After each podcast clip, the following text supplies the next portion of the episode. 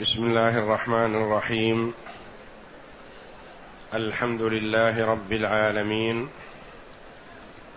والصلاة والسلام على نبينا محمد وعلى آله وصحبه أجمعين. وبعد. أعوذ بالله من الشيطان الرجيم.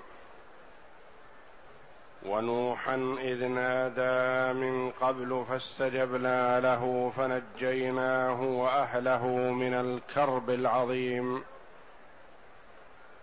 ونصرناه من القوم الذين كذبوا بآياتنا إنهم كانوا قوم سوء فأغرقناهم أجمعين.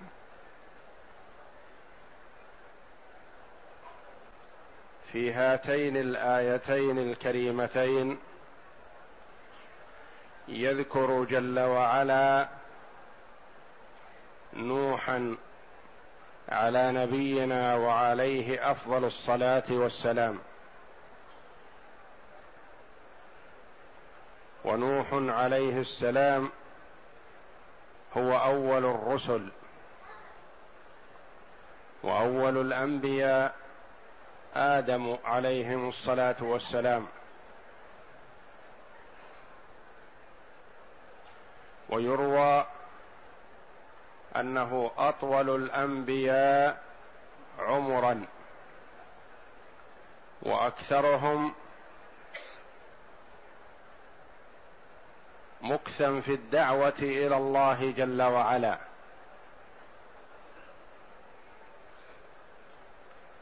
وقد قال الله جل وعلا بأنه دعا قومه ألف سنة إلا خمسين عاما.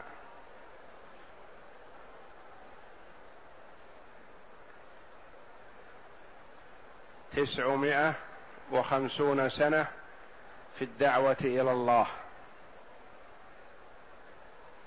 وله عمر قبل أن يوحى إليه قبل أن يبعث إلى قومه. وبقي بعد هذه المدة بعدما أهلك الله جل وعلا قومه الذين خالفوه بالغرق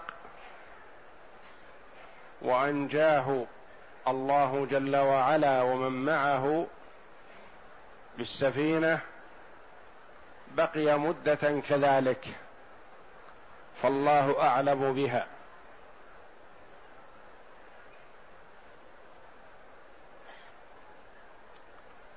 ونوحا إذ نادى من قبل نادى ربه جل وعلا من قبل إبراهيم ولوط وإسحاق ويعقوب.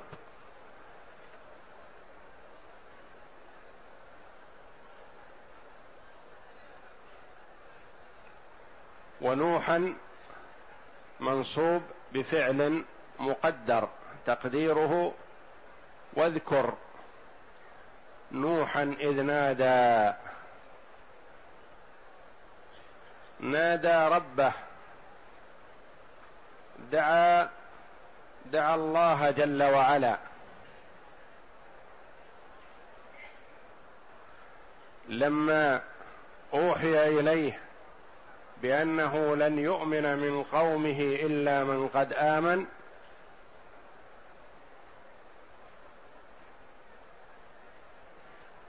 كما قال الله جل وعلا في سورة هود وأوحي إلى نوح أنه لن يؤمن من قومك إلا من قد آمن فلا تبتئس بما كانوا يفعلون. واصنع الفلك بأعيننا ووحينا ولا تخاطبني في الذين ظلموا إنهم مغرقون. عند ذلك دعا على قومه فاستجاب الله له. في قوله جل وعلا وقال نوح رب لا تذر على الأرض من الكافرين ديارا. إنك إن تذرهم يضلوا عبادك ولا يلدوا إلا فاجرا كفارا. فاستجاب الله جل وعلا له وأغرق قومه بالماء الذي نزل من السماء ونبع من الأرض.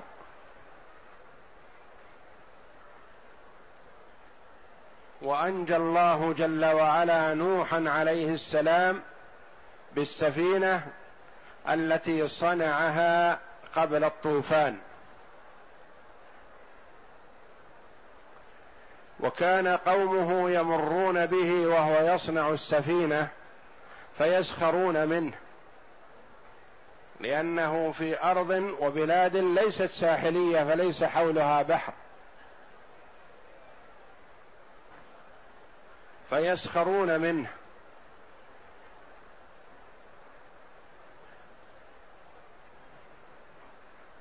فلما أراد الله إغراقهم أمر السماء أن تمطر والأرض أن تنبع بالماء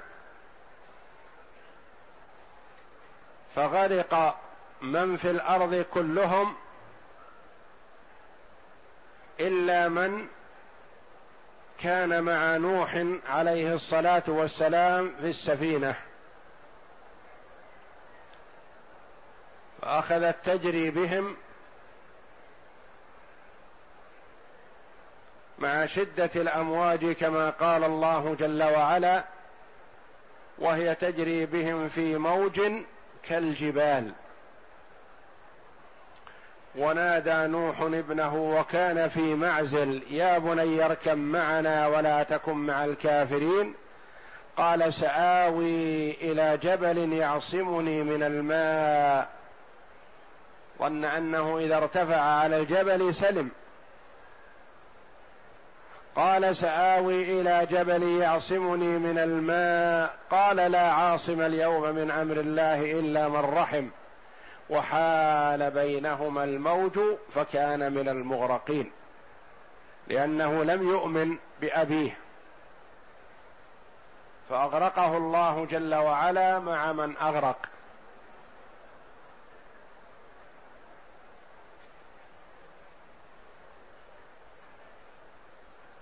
وفي قصة نوح عليه السلام وفي قصص الأنبياء كذلك عبر ومواعظ عظيمة.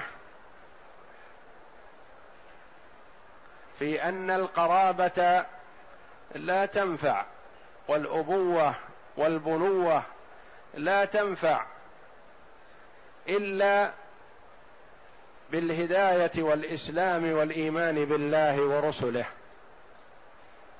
نوح عليه السلام لم ينفع ابنه ولم ينفع امرأته لكفرهما بالله. وإبراهيم عليه السلام لم ينفع أباه لما كان من الضالين.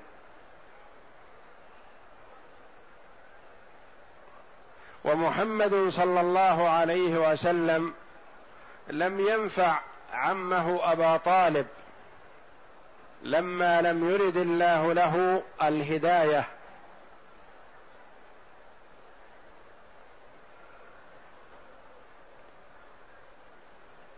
ونوحا إذ نادى من قبل فاستجبنا له.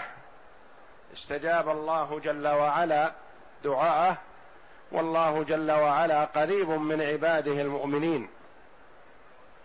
يستجيب دعاء العبد ما لم يدعو بإثم أو قطيعة رحم أو يعجل. يقول الله جل وعلا وإذا سألك عبادي عني فإني قريب أجيب دعوة الداع إذا دعان. فليستجيبوا لي وليؤمنوا بي لعلهم يرشدون. فنجيناه وأهله. أهله من آمن به. وأما من لم يؤمن كامرأته وولده فلم ينفعهم ولم ينجوا معه.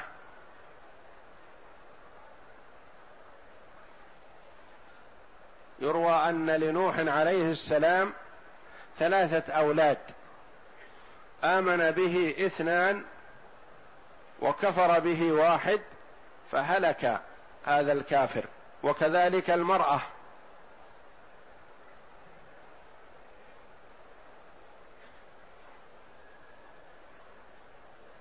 فنجيناه وأهله من الكرب العظيم. والكرب الغم الشديد. فقد أهمه قومه واغتم لهم عليه السلام.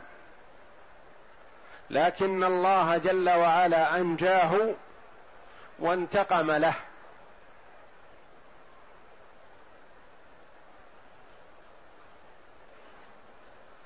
ونصرناه من القوم الذين كذبوا بآياتنا. نصره الله جل وعلا نصرا مستتبعا بالانتقام ممن عصاه وخالف أمره.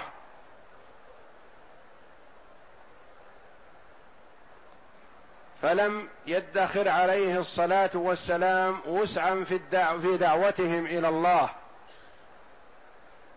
دعاهم ليلا ونهارا وسرا وجهارا. فلما لم يستجيبوا اغتم لهم عليه الصلاة والسلام فنصره الله جل وعلا وأيده وأهلكهم.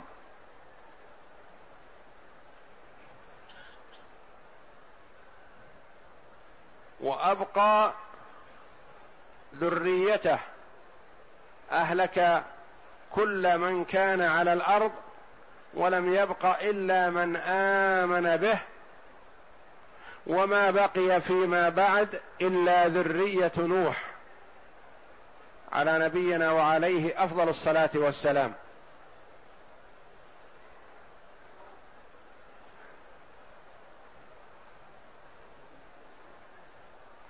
فانتقم الله جل وعلا له وأيده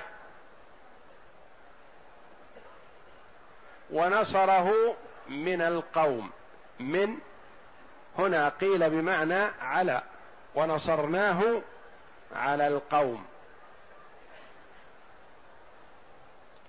وقيل ضمن معنى نصرناه منعناه.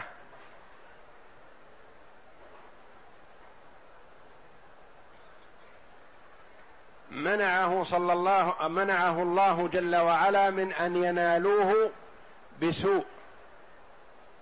منعناه من القوم.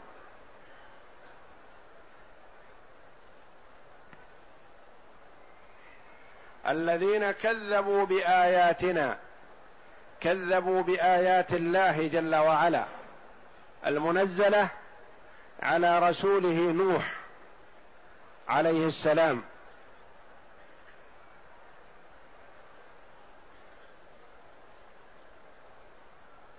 إنهم تعليل لما سبق. إنهم كانوا قوم سوء فأغرقناهم أجمعين. قوم سوء أي أصحاب سوء وضلال. وكانوا معاندين لنوح عليه الصلاة والسلام. ويتواصون قرنا بعد قرن لأنه مكث فيهم قرونا عليه الصلاة والسلام. يتواصون عليه قرنا بعد قرن بأن لا يؤمنوا به ولا يصدقوه. ويحذر الكبار الصغار من أن يؤمنوا بنوح عليه السلام.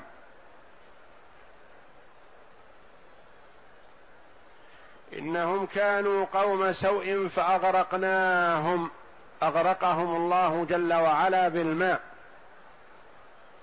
والله جل وعلا يعذب من شاء بما شاء من مخلوقاته. فأغرقناهم أجمعين لم يبق منهم أحد. كل المكذبين أغرقوا. بالماء المتتابع نزوله عليهم ولم ينج منهم إلا من كان في السفينة مع نوح عليه السلام. والله جل وعلا يقص لنا خبر انبيائه وما لاقوه في سبيل الدعوة إليه.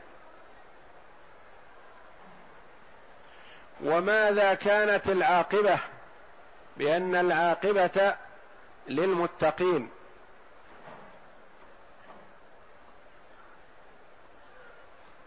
وأنه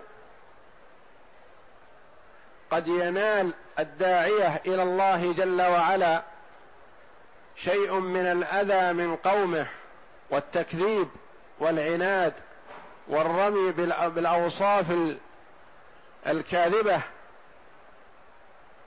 ولا يضيره ذلك. فالله جل وعلا يؤيده وتكون العاقبة له. ففي ذلك عظة وعبرة. ونبراسا يسير عليها الدعاة إلى الله جل وعلا. وأن سبيل الدعوة إلى الله جل وعلا ليس ممهدا بالورود وإنما لا بد من المشقة ولا بد من الأذى ولا بد مع ذلك من الصبر. والاعتماد على الله جل وعلا والمصابرة. فنبينا صلى الله عليه وسلم أفضل الخلق أوذي في ذات الله أذى عظيما وصبر عليه الصلاة والسلام وصابر ولم يبال بما رمي به من الأوصاف الدنيئة الخسيسة. التي هو أبعد الناس عنها عليه الصلوات والسلام. قيل عنه إنه ساحر ومجنون وكذاب. ووصفوه وآذوه وضربوه حتى أدموا قدميه عليه الصلاة والسلام وشجوا رأسه وكسروا رباعيته وهو الممدوح عندهم قبل البعثة الموصوف بالصفات الجليلة كانوا يصفونه قبل البعثة بالصادق الأمين عليه الصلاة والسلام. فلما دعاهم إلى ما دعاهم إليه من توحيد الله جل وعلا قلبوا له ظهر المجن وآذوه وضربوه وعذبوه وحاصروه وهجروه ومن كان معه وحوصروا في الشعب وأوذوا في ذات الله جل وعلا فصبروا وصابروا وكانت العاقبة لهم فلم يمضي إلا قليل من الزمن حتى وقف عليه الصلاة والسلام بباب الكعبة هذه شرفها الله منتصرا مؤيدا من الله جل وعلا قائلا لهم مخاطبا لمن آذاه من قبل وعذبه ماذا تظنون أني فاعل بكم؟ قالوا أخ كريم وابن أخ كريم. قال عليه الصلاة والسلام اذهبوا فأنتم الطلقاء. كرمه وعفوه وصفحه عليه الصلاة والسلام مع ما ناله من الأذى. فالمؤمن يدعو إلى الله جل وعلا ويرغب في الخير ويصبر على ما يصيبه في ذات الله جل وعلا والعاقبة للمتقين. والله أعلم. وصلى الله وسلم وبارك على عبده ورسول نبينا محمد وعلى آله وصحبه أجمعين.